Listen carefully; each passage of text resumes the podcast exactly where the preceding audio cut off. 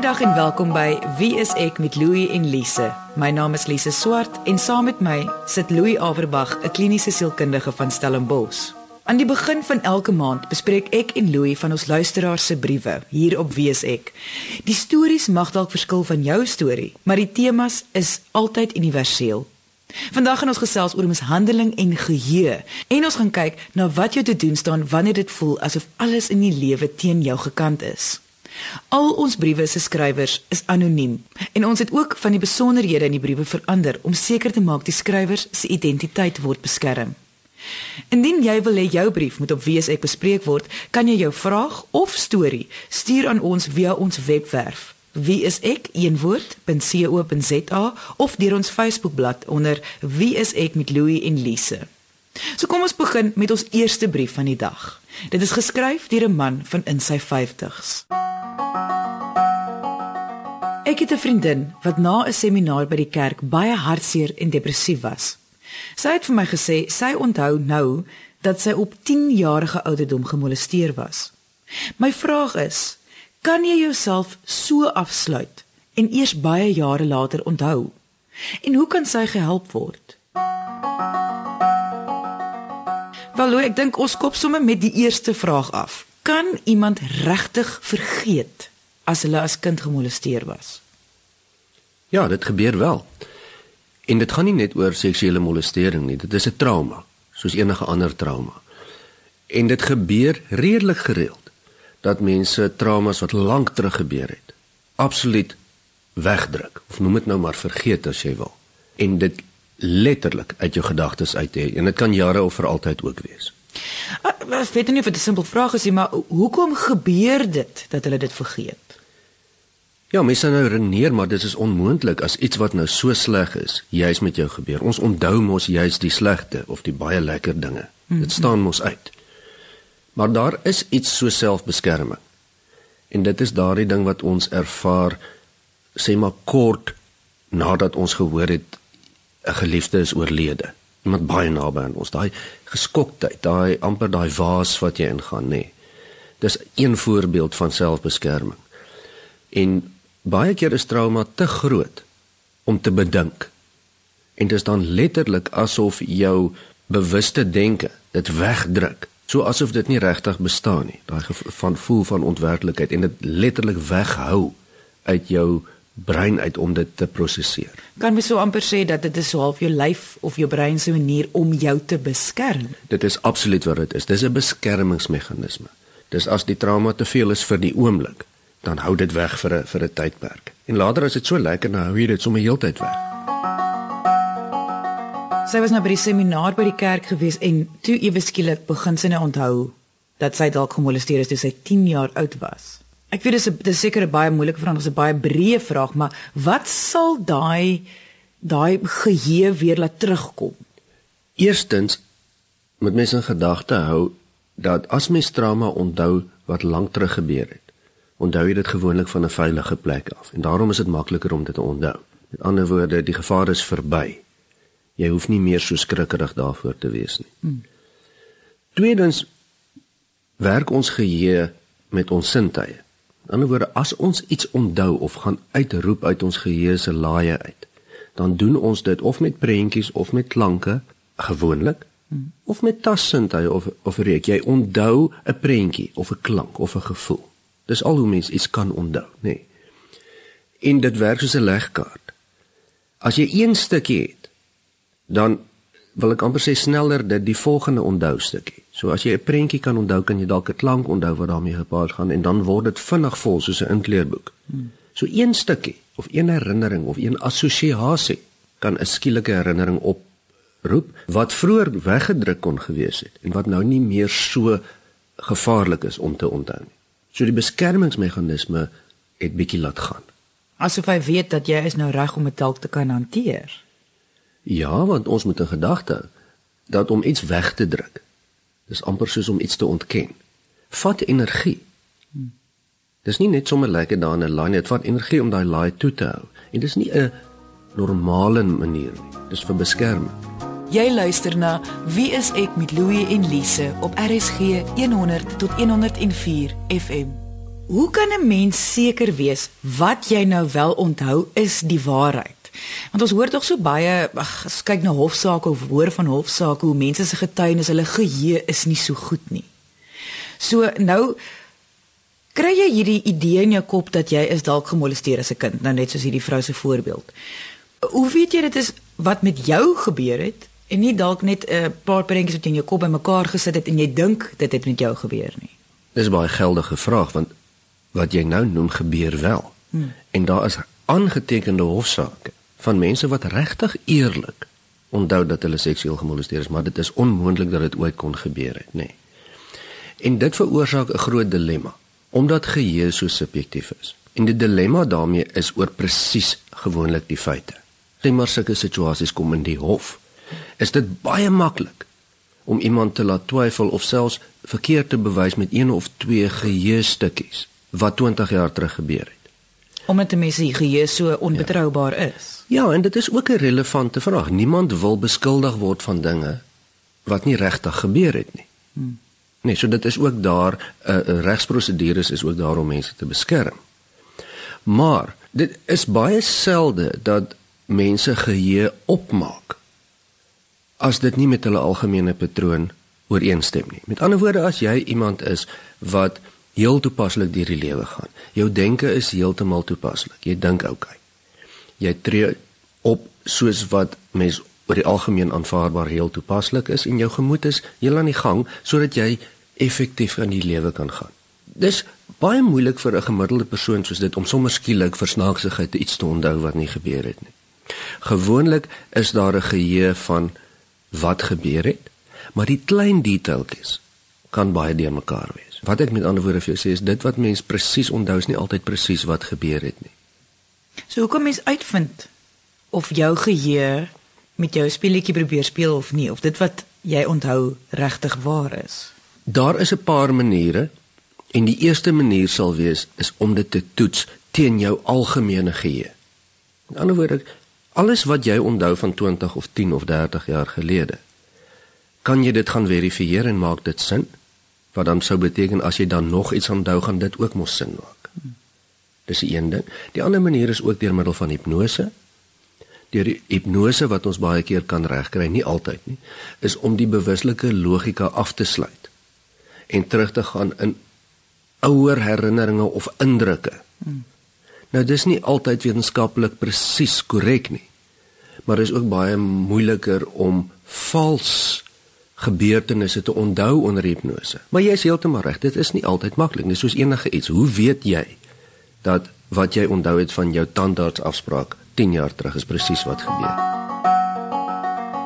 Ons almal weet dat molestering kan 'n lewenslange effek hê op iemand. Dis nou as jy dit onthou. Sien nou maar jy onthou dit nooit nie. Sal dit nog steeds 'n effek op jou lewe hê soos wat asof jy dit onthou het? 'n Slymerende insident wat weggedruk word of insidente het altyd 'n effek op mens. Gewoonlik weet jy nie daarvan nie. Want dit is juis waarom dit weggedruk word sodat jy nie daarvan hoef te weet nie en dit jou elke dag in die gesig staar nie. Maar soos met enige invloed, gaan dit nie weg net omdat jy dit nie kan onthou nie. En ek dink ons moet dit ons moet dit sien soos met 'n pot wat se deksel op is. Omdat jy nie in die pot kan sien nie, beteken nie daar is nie iets in nie. Nee. En jy gaan dit gou uitvind as jy daai deksel oopmaak want hy gaan vir jou brand of jy kom agter maar die druk binne hierdie pot is te erg jy weet dalk nie presies waaroor dit gaan nie. Maar gewoonlik kom dit uit in iets is nie lekker nie. Um, ek is angstig of ek kom nie lekker met mense oor die weg nie of ek funksioneer nie goed in verhoudings nie ek vertrou nie mense nie ek is trauma sensitief ek het geen idee waarom nie maar dit is nou maar net hoe dit is. So ja dit gaan beslis 'n effek op jou Die man se tweede vraag is: Hoe kan sy gehelp word? Wat sou jy aanraai is 'n goeie plan wat sy nou dalk moet volg? As ek sy was, sou ek dit nie ignoreer of by haarself logies probeer bevraagteken nie, nê. Nee. Jy gaan nie regtig daardie antwoord kry van verbeel ek my nou of verbeel ek my nie. Is dit wat ek onthou die realiteit of nie? Dit wat in mense belewenis is, is jou realiteit. Sê dit hieroor is oor 'n baie spesifieke hofsaak byvoorbeeld gaan, maak dit nie eintlik saak presies wat die gebeure was nie. As dit is wat jy ervaar, is dit wat jy ervaar. En dan is dit belangrik. Daar's 'n effek daarvan. En as ek sê wat, sou ek as dit moontlik is hierdie ding met 'n professionele persoon bespreek. Want dit is kompleks, gebeure wat lank terug gebeur het en invloed op mense lewe het, is kompleks. Dis ingewikkeld. En ek sou nie daarmee speel as ek sy was nie. Nou sy het nie die brief vir ons geskryf nie, haar vriend het. Ja. Wat se raad het jy vir hom as vriend? Om as 'n vriend op te tree. En hoe tree 'n vriend op? 'n Vriend is daar om te ondersteun, nie om vir iemand voor te sê of vir jou vriend of vriendin te vertel hoe hulle dinge moet doen nie, maar deur vir hulle te sê dis miskien my advies, dis wat ek dink vir jou kan help, maar dis jou keuse en ek sal jou ondersteun na watter kant toe jy ook al wil gaan. Die idee dat daar trauma in mense lewe kan plaasvind wat jy wegdruk en eers veel later onthou of nooit weer onthou nie, kom wel voor. Dit is nie verbeelding nie. Uh dit is nie noodwendig altyd stories of iets wat iemand uitdink nie. Dis 'n baie algemene ding en dit kan 'n geweldige impak op mense lewe hê. Of dit presies waar is of nie, is nie so relevant soos wat dat herinnering van seksuele molestering kan geweldig traumaties wees. En ek sou reken dat mense dit maar liewers nie weer moet probeer wegdruk nie. Ons bespreek vandag 'n paar van ons luisteraars se briewe. Indien jy nou eers ingeskakel het en graag wil luister na die eerste brief wat ons voor die advertensiebreek bespreek het. Um, dit het gehandel oor die vraag kan iemand regtig eers jare later onthou dat hulle as kind gemolesteer is. Kan jy na vandag se episode gaan luister as 'n potgooi op RSG se webwerf. Dit is rsg.co.za en die sleutelwoord is wie is ek. As jy graag wil hê dat ons jou brief of storie op Wees ek moet bespreek, kan jy dit vir ons stuur via ons webwerf. Dit is weesekeenwoord.co.za of deur ons Facebookblad onder Wie is ek met Louie en Lise. Kom ons luister nou na ons volgende brief. Dit is geskryf deur 'n vrou van in haar laat 50's. Wie kan my verstaan, my help, hoekom leef ek? Ek het nie liefde of drukkies gekry by my ouer huis nie. My ma het alles gekritiseer wat ek doen. Sy het nooit vir my vertel ek is mooi nie. Gedreig met die predikant selfs. Net enkele maatjies gehad want hulle was bang vir my ma. In my ma se oë was ek die slegste mens. Ek was op amper 56 jarige ouderdom nog wonend in my ouer huis. My ma het 'n emosionele houvas op my gehad. By die werk was ek ook nie een van die blue-eyed personeel nie. Ek het egter alles in my werk ingesit. Later jare selfs spanleier geword. Ek het 'n skoon rekord vir 36 jaar gehandhaaf. Na 36 jaar se diens besluit hulle om van sekere mense ontslae te raak op die ergste manier vir iemand wie se rekord skoon en eerlik is. Hulle kla my aan van bedrog. My salaris is verminder, my titel is weggeneem. Let wel, ek is 'n omgee en gee mens en my personeel was soos kinders vir my. Hulle het dit ook nie waardeer nie. Eindstorie, my konsentrasie was daarmee heen en ek kon nie meer werk nie. Ek is medies ongeskik verklaar in 2009 na 36 jaar se diens. Ek is gediagnoseer met erge depressie en angs. My toestand het vererger. My ma het my uitgeskel vir die geringste dingetjies. My ouers het die psigiater gesien en hy het voorgestel ek bly op my eie. Dit het 3 jaar terug gebeur. Ek eet soetgoed as troosmiddel. Omdat ek geglo het ek is nie veel werd nie, het ek 'n kring om my gebou en mansmense weggehou. Ek hunker nog my hele lewe na iemand wat vir my kan lief wees en drukkies gee. Nou meer as ooit. Ek kan nie meer so aangaan nie. En ja, ek huil baie en het al baie trane gestort. Ek het my ma vergewe en ons kan vir die eerste keer gesels en sy gee komplimente. Dit is egter nou te laat want sy is gediagnoseer met Alzheimer.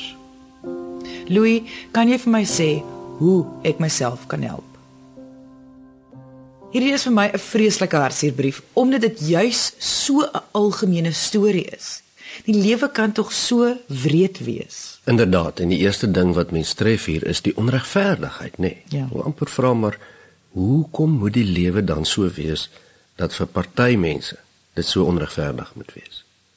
Voor ons kom by hoe sy haarself kan help, wil ek eers gesels oor 'n paar punte wat sy in haar brief gemaak het. Eerstens, Sy het nog op die ouderdom van 56 by haar ouers gewoon. Nou meeste mense wat hierdie hoor eh, gaan onmiddellik dink maar dit is mos nou presies waar haar probleme vandaan kom. Sy moes uit die huis getrek het al jare gelede, maar watter effek tog? Ek is nie seker nie, het dit wanneer iemand vir die grootste gedeelte van hul volwasse lewe nog in hul ouerhuis aanbly? Kyk jong, dit is mos nou weer eens dit verskil baie van mense en kulture. Maar ek dink reg oor die wêreld dink ons dis nogal bietjie snaaks as jy hier in jou 40s en jou 50s nog saam met jou ouers bly behalwe as dit 'n blote praktiese reëling is. Ja, as jy nou as jy nou later jare weer terug moes trek as gevolg van finansiële redes of ja, so. Ja, daar's praktiese reëlings, maar ek dink nie dis wat die skryfster van die brief hier vertel nie. Sy nee. sê dat sy en haar maat saam gewoon en haar maat hou vas op haar gehad. En dis nie 'n goeie ding nie. Ek dink dis een van die groot take van volwasse word om juis uit jou ouerhuis uit te gaan. Ehm um, jou eie lewe te lei en dan anders met jou ouers om te gaan as 'n volwassene, amper as vriende, nê. Nee. Maar as mens saam met jou ouers in 'n huis bly en daar's nog steeds daai hiërargie van die een se sê is meer as die ander een as jy nou self 'n volwasse persoon is, dan is dit maar 'n resep vir probleme.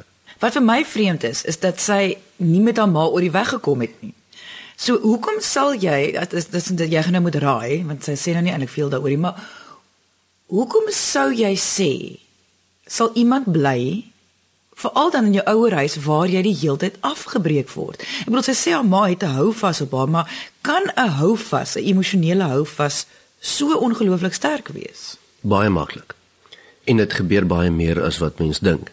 Nou hierdie houvas het niks te doen met praktiese omstandighede nie. Baie keer gebruik mense praktiese redes as 'n alibi, nê. Weet jy ek bly nou maar saam met my ma of saam met die persoon wat ek nie wil nie want ek het nie eintlik 'n ander keuses nie. En dit is in 'n mate waar, maar is gewoonlik nie heeltemal waar nie. Hmm. En daardie hou vas is 'n kombinasie van skuldgevoelens, manipulasie, wat ons vir mekaar skuld omdat ons bloedverwant is, maar ook soos ek hier lees, 'n neidigheid onderliggend, nê. Nee. Hmm. So dis nie lekker om daar te bly vir haar nie. Dit was nie vir haar lekker nie. Maar tog het sy gebly. Maar tog het sy gebly. Ek weet ook nie of dit noodwendig vir haar lekker is nadat sy uitgetrek het nie. Dit klink ook nie vir my asof dit noodwendig die oplossing was nie. Maar dit was beslis deel van die probleem. Dis presies wat ek ook gedink het, want dit lyk sy is duidelik nou verskriklik alleen, want vir die afgelope 3 jaar het sy nou nie meer werk nie en sy is nie meer in die ouer huis wat sy vir 56 jaar in gewoon het nie. So ek ek het ook gewonder is dit die beste opsie dat sy maar op hierdie laat ouderdom moes uittrek? Jy sien dit was nie noodwendig die oplossing nie. En wat ons gewoonlik sien met hierdie situasie is, die vraag is nie is watter sielkundige faktore veroorsaak dat mens nie uit die huis uit kan trek nie. Dis nie die praktiese faktore nie, dis die sielkundige faktore. Met ander woorde, hoeveel selfvertroue het die skryfster van ons brief? Hoe gemaklik voel sy in die lewe? Hoe gemaklik voel sy om risiko's te vat? En om nie toe te gee aan emosionele afpersing nie en om die lewe die hoof te bied. En ons sien dat sy nog nooit regtig gemaklik gevoel het daarmee nie, nê. En ook daarom nie regtig daai breek gevat het uit die huis uit. En toe sy dit wel gedoen het, het dit nie gewerk nie. Want sy voel nog steeds nie in staat om die lewe aan te vat nie. Sy is baie teleurgestel, sy het baie seer gekry. Mens kan dit ook verstaan. Jy luister na Wie is ek met Louie en Lise op RSG 100 tot 104 FM. Die volgende punt wat sy gemaak het is dat sy medies ongeskik verklaar is. Nou, die diagnose is depressie en angsversteuring. Kan angs en depressie so erg word dat jy nie meer kan werk nie? Absoluut, en dit gebeur baie. Ek self was al baie betrokke by mediese rade wat iemand totaal onkapabel gelaat word deur 'n permanente angsversteuring of 'n gemoedversteuring soos depressie. Dit is nie 'n onalgemene ding. Wat dit sê is dat haar ervaring van haar gemoed moet geweldig swaar wees. Want om fisies medies ongeskik te wees om nie te kan werk is baie erg, jy weet, as mens nou dink aan aan, aan ongeskiktheid, dink jy aan amper aan iemand wat nie twee bene het nie. En as jy sielkundig daarna kyk, sal jy praat van iemand wat regtig nie op 'n daaglikse vermoë dinge die hoof kan bied nie. Hmm. Dan is mens ongeskik om te funksioneer. As jy nou die res van die brief by hierdie punt inbring dat sy medies ongeskik verklaar is, en eers op 56 uit die ouer huis uit en 'n ma wat nie 'n gawe ma was nie. Sal al hierdie goed sal 'n rol speel, né? Alles gaan 'n rol speel. Alles gaan 'n rol speel. So jy sit nou aan die einde van die dag sit jy met 'n dame wat nou swaar kry. En alles in haar lewe het 'n rol gespeel. So nee, hierdie is nie iets wat nou net die afgelope paar jaar begin het of toe sy begin sukkel het in die werk nie. Dit moes vir jare en jare voorgekom het. Ek wil amper sê haar hele lewe lank totdat dit so erg begin raak het op 'n stadium dat sy nie meer kan funksioneer nie. So hier sit 'n dame wat dan ontsettend baie swaar kry. Nie kan werk nie. Nie suksesvolle verhouding met haar familie in die geval haar ma het nie en wat baie min ondersteuningssisteem of interaksie het, nê. Dis 'n baie slegte plek om in te wees. Nou Louis, wat se hoop is daar vir haar? Is daar iets wat sy omtrent dit kan doen? Wat sy sê sonder dat sy dit in woorde sit, is daar daar nie vir haar baie sin in haar lewe op hierdie oomblik is nie, nê. Nee. En wat weet ons wat gee sin in mense lewe gewoonlik? Dit is veral twee dinge op 'n daaglikse vlak: werk en verhoudings. Dit wat vir haar sin gegee deur haar werk is weggeneem van haar. En dit kan sy dan nou nie meer doen nie. Ook weer hou sy vir haar van alle verhoudings, want sy eerstens het nie dieselfde vertroue nie en tweedens vertrou nie mense nie. So dit dit wat vir haar sin kan gee in die lewe, of wat meeste van ons sin gee, bly sy van af weg. En dis waar dan die groot probleem is. Sy is nou nie meer 'n kind nie. En ek sy sê dit ook, wat doen mense nou op 56? jy weet met hierdie geskiedenis en jy wil mos nou ook weer 'n bietjie werk of daarmee met mense in interaksie wees. En dit is baie moeiliker. Aan die ander kant sy kan tog nie sit en niks doen nie. Sy kan nog maklik 20 jaar vol lewe lei. Hmm. En dis hier waar sy sal dan moet besluit wat gaan sy doen om weer die sin terug te om sin terug te kry. Wat gee vir jou sin? Jou verhouding met jou ma lyk my is onherstelbaar gebroken. Wel, nee. sy sê dit is nou beter, maar dit help nou nie want die ma is nou gediagnoseer met Alzheimer. Ja, so dis 'n massiewe verlies. Hmm. Die jy kan nie weer aansoek doen vir 'n werk as jy klaar medies ongeskik is nie. Sy kan in elk geval nie werk nie. Maar daar moet ietsie wees wat sy kan doen wat vir haar kan sin gee. Nou ek, ek en jy sit nou hier en praat baie maklik hmm. oor 'n baie hartseer alleen brief. En dit is nie so maklik want as dit so maklik was sou die dame nie die brief geskryf het nie. Maar ek dink wat ons sê hier is, wat is mense opsies hierso? En as jy leef, dan moet jy maar so sinvol as moontlik probeer leef. Daar is nog tyd om dit beter te maak as wat dit is. En ek sou vir haar aanbeveel om al haar hulpbronne bymekaar te kry. Is daar vriende? Is daar enigiemand met wie sy kan interageer? Het sy 'n mediese fonds? Gaan sien onmiddellike professionele persoon. Maak jy alleenheid minder en dit sit twee koppe bymekaar. As jy nie 'n mediese fonds het nie, hoe lyk jou finansies? Kan jy dit dalk bekostig?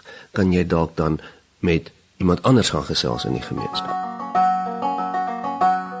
Plaas van aan die breë prentjie kyk, begin dit opbreek en begin by wat kan jy nou doen en dan elke dag kan jy aangaan na die volgende stap en wat kan jy volgende doen. Dit ja. hoef nie alles net te begin met dit is my eindpunt waar ek wil uitkom. Ja. Maar om daar uit te kom moet mens tog die leertjie mak klim. Ja, trappie vir trappie. Stappie vir stappie, want een ding wat hier vir my mis is beheer. Baie van die dinge is van haar af weggevat. Sy kon niks daaraan doen nie. Maar hier is goed wat sy kan terugvat. En ek dink sy moet terugvat en terugneem soveel as moontlik van die lewe as wat daar ook weg is van haar af. Ons het aan die einde van vandag se episode gekom. Dankie aan al ons luisteraars wat al vir ons briewe, stories en vrae gestuur het.